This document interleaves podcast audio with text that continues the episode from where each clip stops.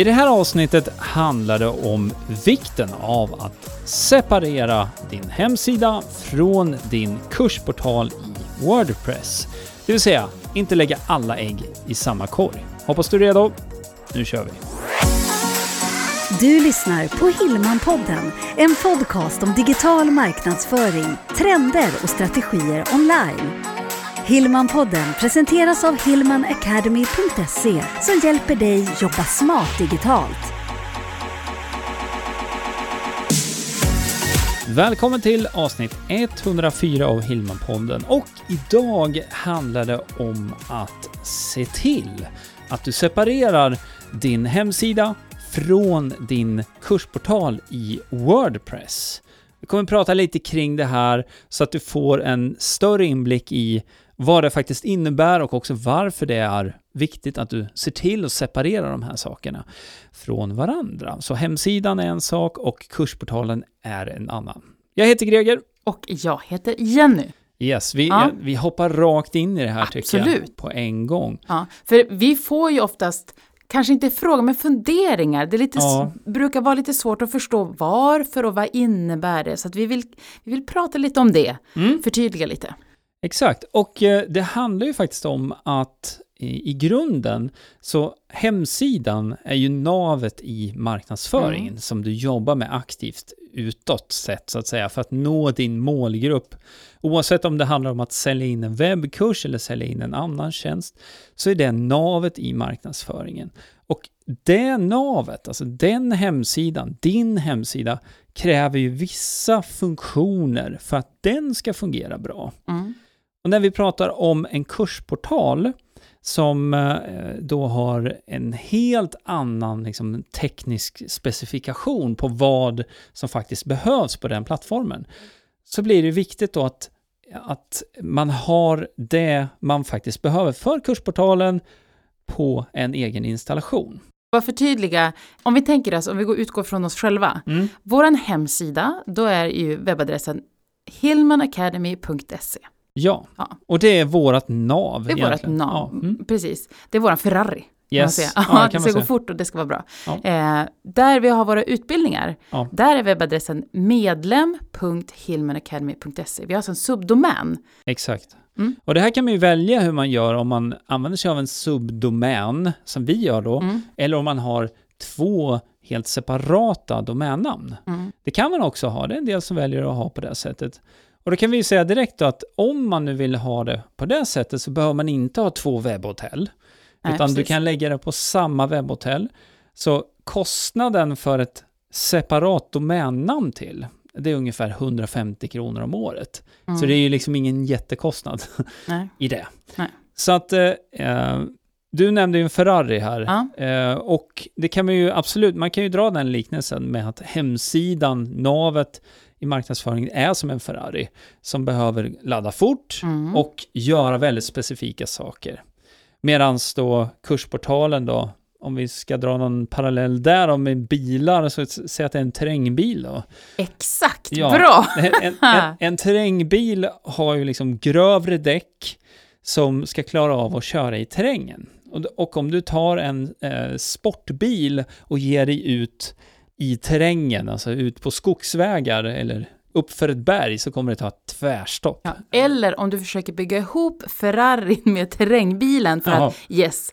Ja, vi trycker ihop allting i samma. Exakt. Det kommer se väldigt lustigt ut också Mm. för övrigt. Men framförallt, problemet med att sätta allt på samma installation, det är ju om någonting går fel. Ja.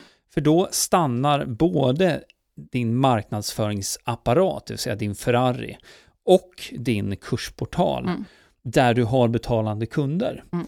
Så där har du ytterligare en anledning till Mm. att det är bra att separera de här sakerna från varandra. Och jag ser det definitivt som ett rookie mistake att lägga allt under samma installation. Ja. Sen får vi då kommentar, men vad då ska jag ha två hemsidor?